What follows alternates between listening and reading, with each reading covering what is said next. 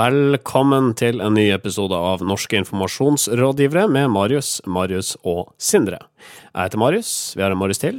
Jeg er han andre Mariussen, som ikke er deg. Ja.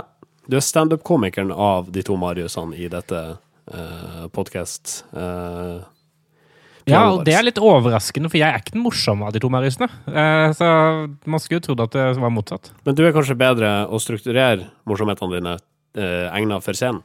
Ja, det er sant. Jeg, jeg er den strukturerte av oss to. Derfor er jeg standup-komiker. All right. Sindre Holme, velkommen også til deg. Tusen hjertelig takk for det. Jeg er også til stede. Jeg er ikke standup-komiker, og ikke sit-down-komiker heller.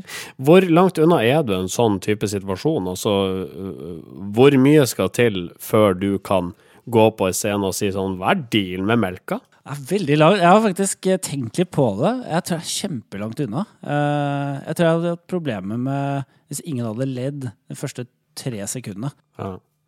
Uh, vi pensa det her inn på noe kommunikasjonsfaglig. Det svenske byrået Beddow uh, anklaga Jæren sparebank og reklamebyrået Procontra for plagiat. Årsaken er at Jærbankens visuelle profil er temmelig lik den til selskapet Kapital, som da Beddow står bak.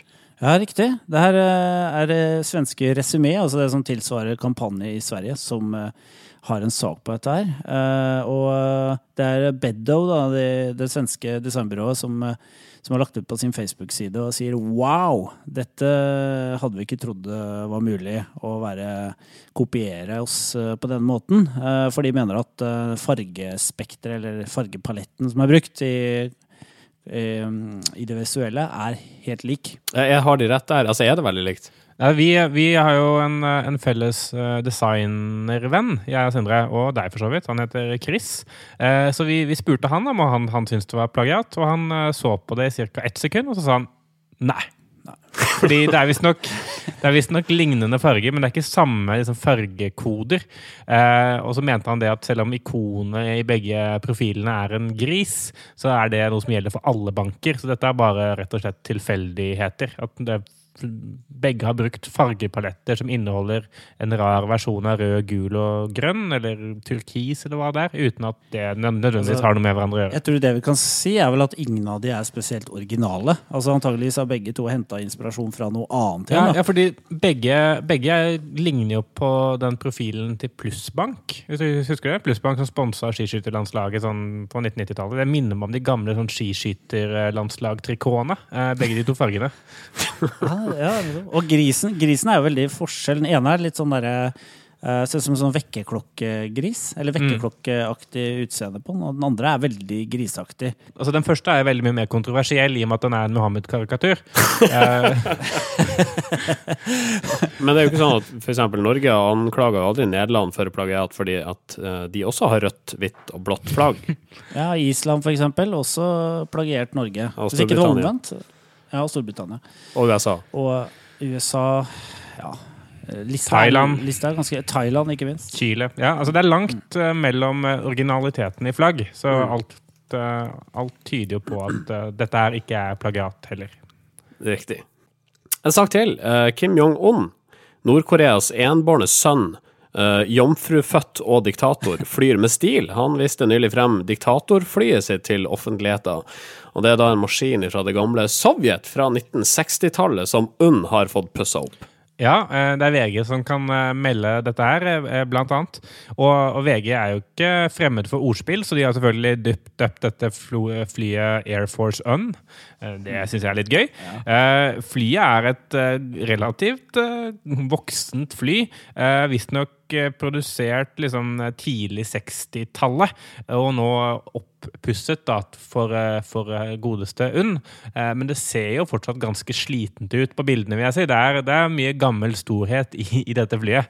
Eh, samtidig så, så, er det jo et sånn interessant grep fra liksom, kommunistpartiet i Nord-Korea med å slippe disse bildene. Det skal vise at det er en måte å vise det moderne Nord-Korea på, å vise hvor mye makt UNN har. Han kan reise, han har et fly med lærinnredning eh, og Sky. Det ser litt ut som en sånn russebuss, egentlig.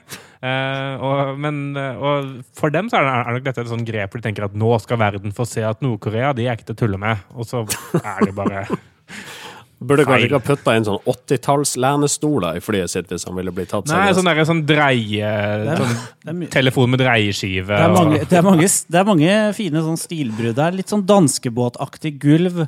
Eh, Sky-stoler fra 80-tallet. Og så er et sånt solid askebeger, som sikkert har stått der siden eh, siden uh, de sovjetiske Sovjet, presidentene presidentene Ja, ikke sant? Og de brukte flyet. For du ser, hvis du ser fargen på veggen, så er den sånn der sigarettsneip-gulaktig. uh, sånn at det har de ikke klart å vaske vekk. Uh, all right. Nei, men uh, greit. Da tror jeg vi uh, drar fra Nord-Korea, og eh, vi setter i gang dette her, eh, som da er NIR episode 101. Norske informasjonsrådgivere. NRK-reporter Nikolai Ramm har denne uka fått oppmerksomhet etter at han havna i håndgemeng med den svenske langrennsløperen Robin Bryntesson. Ja, slik så det i alle fall ut, men NRK kunne senere avsløre at det hele var en regissert spøk mellom Bryntesson og Ram. Det var altså ingen slåsskamp på ordentlig. Mediekommentator Sven Egil Omdal i Aftenbladet er blant dem som er kritisk til dette stuntet. Han mener at eh, ting som det her går på troverdigheten løs for NRK. Alle de største, norske mediene og svenske mediene gikk jo på dette med en gang. Eh, Ekspressen hadde en stor sak, VG hadde en stor sak, og det lå jo ute et par timer før eh, Ram og Bryntesson sammen innrømte at nei, det var bare tull, eh, fordi vi ville se om vi kunne ta denne feiden mellom Norge og Sverige til det neste nivået. Så, men det at liksom, da mediene i et etterkant føler seg lurt, og så videre, og at det liksom skal, skal gå utover NRK sin troverdighet fordi de hadde romkvinnesaken for noen år siden. Det, jeg ser, ser ikke helt den. Men det er, vel, Eh, det er vel ikke det Sven Egil Omdal Det er vel ikke det som er hans poeng her. For at eh, spørsmålet han stiller, er hvor gode venner kan egentlig disse sportsjournalistene og utøverne være? Ja, Det sier vel litt om at forholdet er veldig tett. Det er som Sven Egil Omdal sier det. Du kan jo forveksle en journalist med en som er, jobber i støtteapparatet. De er jo liksom De heier jo på utøverne og er veldig sånn veldig tett på. Eh, og det og det sier vel kanskje litt om at journalistene kanskje ikke ser på seg selv som journalister. Kanskje de ser på seg som, eh, som en del av underholdningsbransjen. Altså, Sportsjournalistene må jo, er veldig mye nærmere liksom, Thomas og Harald enn Harald Stanghelle. ikke sant? Eh, I måten de forholder seg til, eh, til objektene på. Det er, ikke, det er veldig veldig få tilfeller at en sportsjournalist må være sånn oppriktig kritisk. At man kan være kritisk til prestasjoner og, og mene at man burde gjøre, gjøre det bedre osv. Men det er jo, jeg har, ingen forventninger om at eh, spesielt norske sportsjournalister under VM på ski, som er det mest erkenorske, skal være objektive, eller skal måtte ha noe som helst verdi utenom underholdning. Men det, det, altså, du kan si den rollen der, den, den eh, rollen med å være kritisk journalist, den, den, får, den har liksom ikke norske sportsjournalister i særlig grad blitt testa på. Da. Altså, jeg vil eh, se for deg da i Falun at eh, tre-fire norske utøvere blir tatt for doping. Da. Hvordan vil de norske sportsjournalistene håndtere det? Hvem i alle dager skal intervjue uh, disse utøverne da? Ja, ja, hvem skal gjøre det? Hvem klarer å gjøre det? Ja, men Altså, de fly husker- inn de ordentlige journalistene. Ja, da, da, da må Stanghelle flys inn. Da, ikke sant? Da, da, er de, da sitter de på sånn frilanskontrakter at da blir de flydd inn uh, for å stille de kritiske spørsmålene. Jeg husker noe lignende, altså Den problematikken kom opp, husker jeg, den gangen Egil Drillo eh, ble trener i Irak for det irakiske landslaget. Eh, For da oppsto det masse sånn kulturkrasj eh, der nede. For Drillo forsto ikke alle de her eh, tradisjonene folk hadde for å be og faste osv. I, i forbindelse med treningsleire. Og det klarte ikke da, da Det husker jeg at eh, den, den konflikten eller de problemene som oppsto der, det klarte ikke norske journalister å, å dekke på en ordentlig måte. Og da var det plutselig andre typer journalister som skrev om det. Men er det, altså, er det greit da at uh, NRK og de fleste andre som har sportsjournalister, erkjenner at ok, dere er de folkene som skal sørge for god stemning, uh, gi Petter en klem og spørre hvordan det føles nå, og så sender vi inn B-laget dersom uh, Petter fucka opp? Ja, men, men det er jo så Men, men sam, samtidig, samtidig så, så er han Nicolay Ramm han, han skal jo utelukkende lage sånne tullereportasjer. Og han har jo så vidt jeg vet, aldri lagd noe seriøs journalistikk eh, i sitt liv. Eh, så eh, sannsynligvis, så, så fordi det er han som da gjør de type tingene, så, så er det jo på en måte underholdning. Da, da er det underholdningsinnslag. Og så lenge det ikke blir presentert på nyhetene da som eh, som nyheter, så, så burde det være greit. Også, men så er det da den dobbeltsidige bunnen med at de her da prøver Dobbeltsidig bunn? Eh, dobbeltbunnen er på at eh, de eh, Dobbeltsidig teip, var det ja, ja, det er enten-eller. Eh, dobbeltsidig teipbunn. Ja, men det, det er iallfall det her med at eh, her gikk de da inn for å skape en falsk situasjon som de ville få nyheter på, og så visste da NRK at det var falskt, så derfor omtalte de det ikke, men de andre mediene gjorde det sånn at de ser dårligere ut. Så er det likevel en sånn Det er, det er en grensegang der som er litt sånn halvufin, da, når man prøver å lage falske nyheter. Så, så det er jo riktig at noen tar det opp. All right. Jeg vil bare legge til at uh, Nicolay Ramm han har for øvrig bakgrunn som rapper. Da i den uh, semipopulære rappgruppa To små karer. Ah, Og jeg vil uh, sitere Nicolay Ramm, eh, eh, da, som da ble intervjua av Dagbladet i eh, anledning Melodi Grand Prix Junior. De fleste rappere banner. Vi er veldig fan av Klovner i kamp, og de bruker mange stygge ord. Vi vil være like tøffe som dem. Wah, wah, wah. Tommel opp eller tommel ned for Nicolay Ramm, da tatt i betraktning at han var med i To små karer for en del år tilbake. Umulig å gi tommel ned for det. ja, Tommel det opp. er tommel opp for det. Norske informasjonsrådgivere. Nå, eh, midt i mediekrisa, så må redaksjonene spare inn der de kan for å unngå ytterligere oppsigelser. En måte å kutte kostnadene på er å droppe unødvendige lunsjer, f.eks. der man spaderer på kjendiser når man skal lage portrettintervju. Gratisavisa Natt og Dag kommer i den anledning med en eh, aldri så liten gavepakning til landets mediehus. En mal for et helgeportrett, og den kan brukes eh, i absolutt alle situasjoner på absolutt alle aktuelle personer. Dette er jo en gavepakke. altså Helgejournalistikken er kanskje den dyreste journalistikken eh, avisene investerer i. Det jo, det krever mye arbeid, mange timer, kanskje flere intervjuer. eh, og, og det er eh, Det som Natt og Dag har funnet ut der, er jo Dette er jo gravearbeid av dimensjoner. For det har egentlig sammenligna Helge portretter opp gjennom åra har funnet ut at helgeportrettet som sjanger er universelt utforma. Det er bygget opp av korte enkeltsetninger som beskriver kafémiljøet og intervjuobjektets fakter, etter hvert som følgende temaer blir belyst. Aktualiteten, usikkerheten, et ørlite traume fra barndommen, samlivsbruddet, den nye livsgnisten, kunsten å balansere jobb og familieliv. Alle de her ingrediensene er med i et helgeportrett. Før vi gikk i opptak, så gikk jeg gjennom hele historien og prøvde bare å sette inn et tilfeldig uh, navn i denne malen. Det er fornøyelige greier. Ja, den er veldig skarp. Altså, Natt og Dag eh, gjør jo mye, mye smart mediesatire eh, sånn til vanlig også. Men dette er blant, blant de skarpere tingene jeg har sett. Jeg synes det er, det er veldig, veldig morsomt. Eh, og ikke, det, er, det blir jo en sånn OK bra sak også. Det er det verste. Altså, sånn, jeg, kan godt, jeg kan huske å ha lest lignende ting før. eh, mer eller mindre identisk. De trenger bare en sånn strektegning fra en Dagbladet-tegner på høyresiden eller under eh, intervjuet for at det skal virke helt legit. Definitivt. Altså, mange, av de, mange av journalistene i det helgemagasinet de har jo skrevet veldig veldig mange portretter, og du kjenner igjen kjenner mange av de samme grepa, den samme formelen, da, måten å skrive på. Så jeg tror mange bør føle seg truffet her. Hvis ikke de føler seg truffet, så, så eh, kjenner de seg sjøl veldig dårlig. Jeg, jeg skal lese et lite utdrag eh, basert på vår alles eh, felles bekjente Sindre Holme. Om familieliv. Det er ikke alltid lett å være både pappa og podkaststjerne. Jeg er podkaststjerne, men etter klokka ni og frem til Oline legger seg, er jeg pappa. De timene er utrolig viktige for meg, sier han. Hvordan er Sindre privat? Den siden av meg har jeg ikke behov for å blottlegge i media. Jeg vil at folk skal være interessert i meg i kraft av hva jeg gjør, sier han engasjert. Sindre er sin egen verste fiende. Vil alltid gjøre ting bedre. Kan være beinhard mot seg selv. Kjenner du deg igjen? Det der var noe du eh, kunne ha sagt og, vært, og blitt sitert på. Det stakk hjertet. Det er litt, litt synd egentlig at ikke det var et ekte intervju. Jeg hadde egentlig håpet at jeg Vi kan bruke denne malen, og så kan vi få publisert et intervju om deg, Sindre. Don't you worry, child. Um, vi gir vel en tommel opp for uh, denne artikkelen. Absolutt. Veldig, veldig morsomt. Ja. Signert Natt og Dag, og du, du finner den på nattogdag.no. Norske informasjonsrådgivere. Det er altså sånn at vi testa ut ei ny spalte. Og for å gi lytterne et lite bakteppe Sindre, du testa ut denne nye spalta i for forrige sending.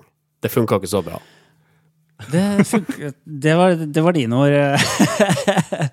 Det ble vel uh, av en eller annen merkelig grunn klippa bort. Ja. Uh, nei, det funka vel ikke helt. Altså, vi fant vel ikke helt ut hvorfor vi hadde spalten i, i første omgang. Uh, Ja, fordi altså, spalten, det- spalten, spalten var veldig bra, men den bare Den hadde ikke noe med det vi snakka om. Nei, nei for at, altså, Nei. det, du kalte spalta for Distrikts-Norge, og det det endte opp med å bli, var rett og slett bare uh, altså, det som hørtes ut som sitat fra en Wikipedia-artikkel om en liten kommune.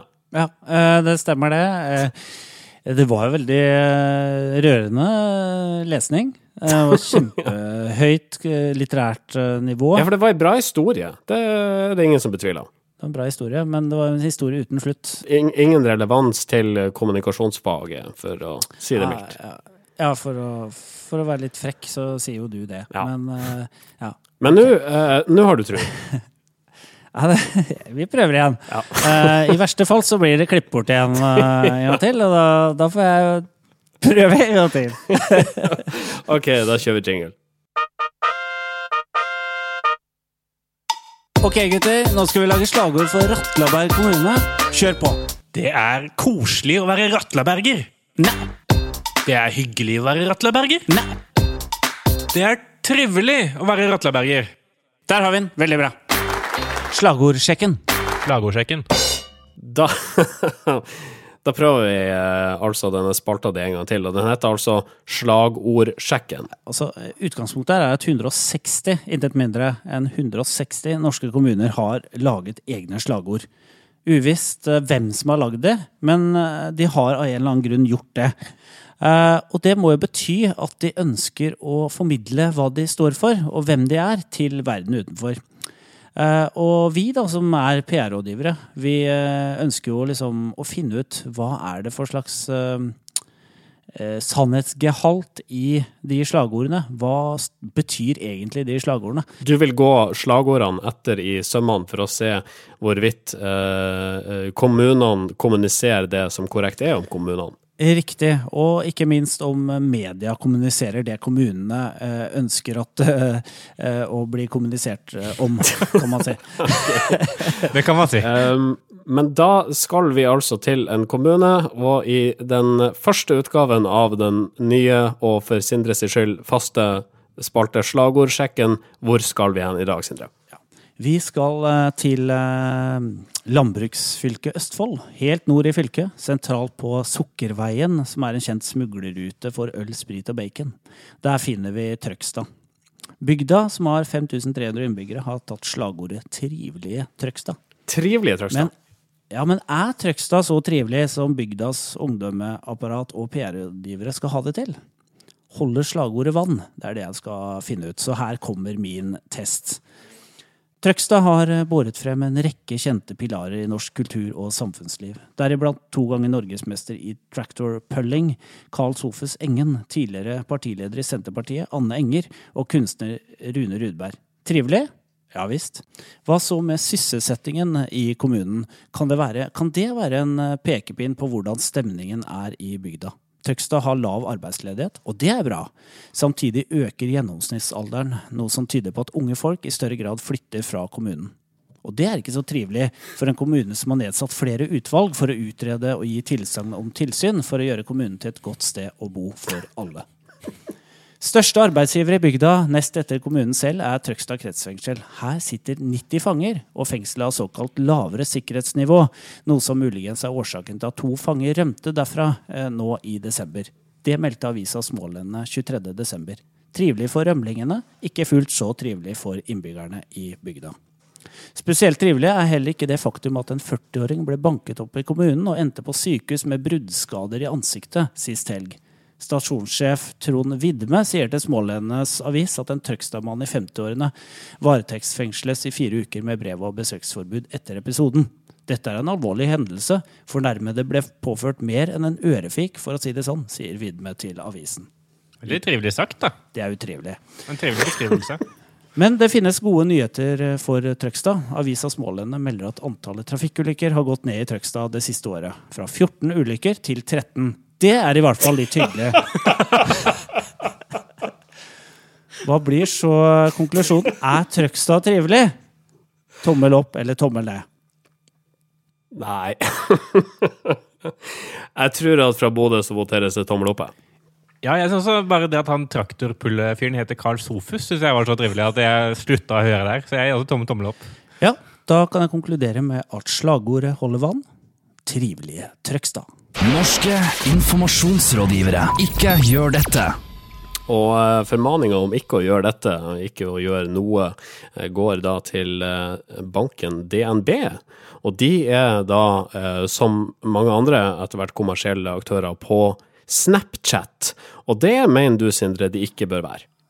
Skjerp dere, DNB. Uh, DNB ha, har jo gått ut på Snapchat, og det er jo litt uh, artig og, og, spennende gjort. I utgangspunktet, kan man si. Men uh, jeg har nå fulgt DNB under to arrangementer. De har, vært, de har dekka den her X Games og den norske snowboardkjøreren der. Og så dekka de også Beaver Creek og alpin-VM. Det er i hvert fall ikke noe tvil om at DNB sender folk rundt kloden for å ta bilder og filme artige ting. Men eh, når de gjør det, så bør de jo sende noen som klarer å holde en telefon riktig vei. For jeg ble skikkelig svimmel av å følge de snappene. Uh, altså, de var jo Det var dårlig filma, det er dårlig Det var liksom lav kvalitet, da. Og det, det, tenker jeg det hjelper ikke å være ung og, og late som man er kul fordi man bruker Snapchat, når man ikke kan håndtere mediet. Nei, jeg synes også, jeg har også fulgt dem nå en måneds tid, og jeg, jeg synes at det framstår veldig som sånn venstrehåndsarbeid, som et sånn vedheng. Og så er det sånn, Snapchat skal jo være litt sånn uformelt og, og, og smart og kjapt, men jeg syns det, det, krasjer så veldig med resten av profilen til DNB, som, som selv om den er litt leken, så er den veldig solid. Eh, og, og sånn kvalitetsmessig det de lirer av seg der, eh, det syns jeg ikke er spesielt bra. Og så, så syns jeg det er veldig upersonlig, for det er ingen personer som eier Snapchaten. Det er bare sånn, De bare ser et tilfeldig bilde av Silje Norendal som vinner gull i X Games uten noe, sånn, noen kommentarer til det annet enn sånn Woohoo! Det er litt som liksom, å følge liksom, en 16 år gammel jente på Snapchat bare at det står DNB Nord. Uh, så jeg, jeg syns det krasjer veldig. Men, og dette føyer seg inn i rekken av banker som prøver å gjøre uh, suksess på mobilbaserte applikasjoner. Vi har snakka om Nordea før, og deres Instagram-innsats. Mm. Uh, og jeg vil ikke si at DNB er spesielt mye bedre enn det Nordea var. Ukas medieinnsalg. Den humanitære organisasjonen Verdens matvareprogram får prisen for ukas innsalg etter at de fikk fotballstjerna Zlatan Ibrahimovic med på en kampanje med formål å sette fokus på fattigdom og sult blant barn.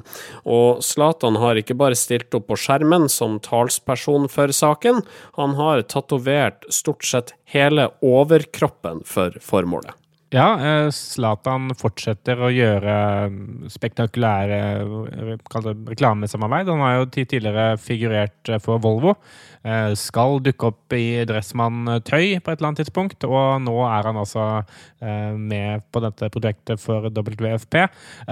Og det er jo, det er jo en veldig sånn sterk sak, fordi han er det symbolet han er, og, og det at han det er fortsatt litt sånn uklart hvorvidt disse tatoveringene er ekte, eller om man bare har fått de, om det er hendene av tatoveringer man har fått tegna på. Men uh, han, uh, han skårte jo et mål mot uh, Jeg tror det var mot Cannes, eller et eller annet sånt. Caen.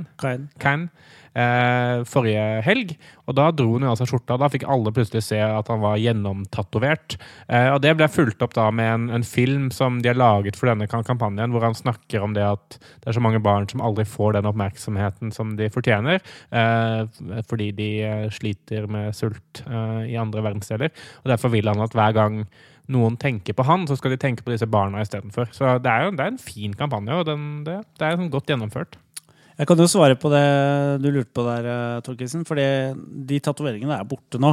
Men Nei. det har jo på en måte forlenga kampanjen litt også, fordi da har han måttet svare på at de er borte. Han sier at ja, men de barna er fortsatt sultne, og de, de trenger fortsatt mat.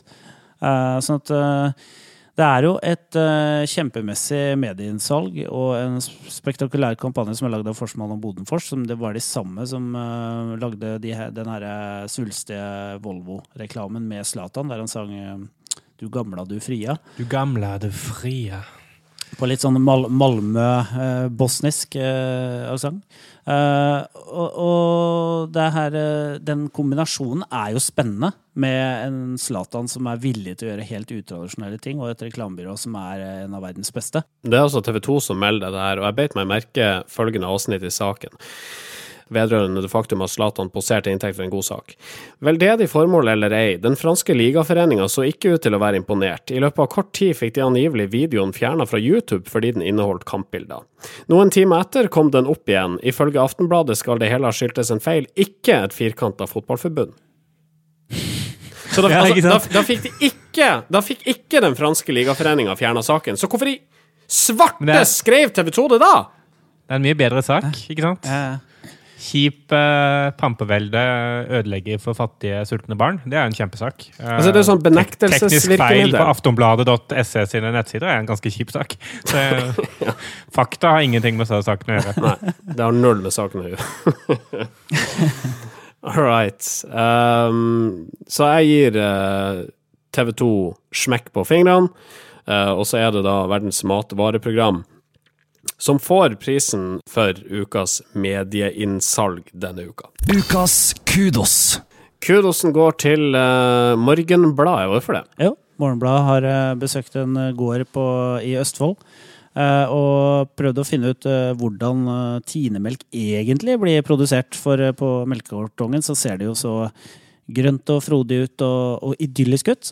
Men de har da bytta ut bildene av kuer i grønne enger med bilder sånn det faktisk ser ut på gården. Da. Og der er det roboter som melker kuer.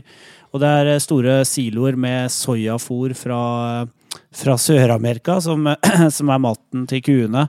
Eh, og det er en polsk eh, bonde i en traktor eh, som kjører ut på et jorde. Og det er masse insekter også inni en av i fjøsene her. Og så er det Eh, altså, det- som driver gården da i fraværet av bonden som i realiteten jobber på kontor inne i byen. Ja, det er, det er et veldig fint avsnitt der, hvor, han, hvor det står der at eh, Trond er stolt bruker av gården gjennom flere generasjoner. Han vet hva kyrne trenger av omsorg, mat og kos.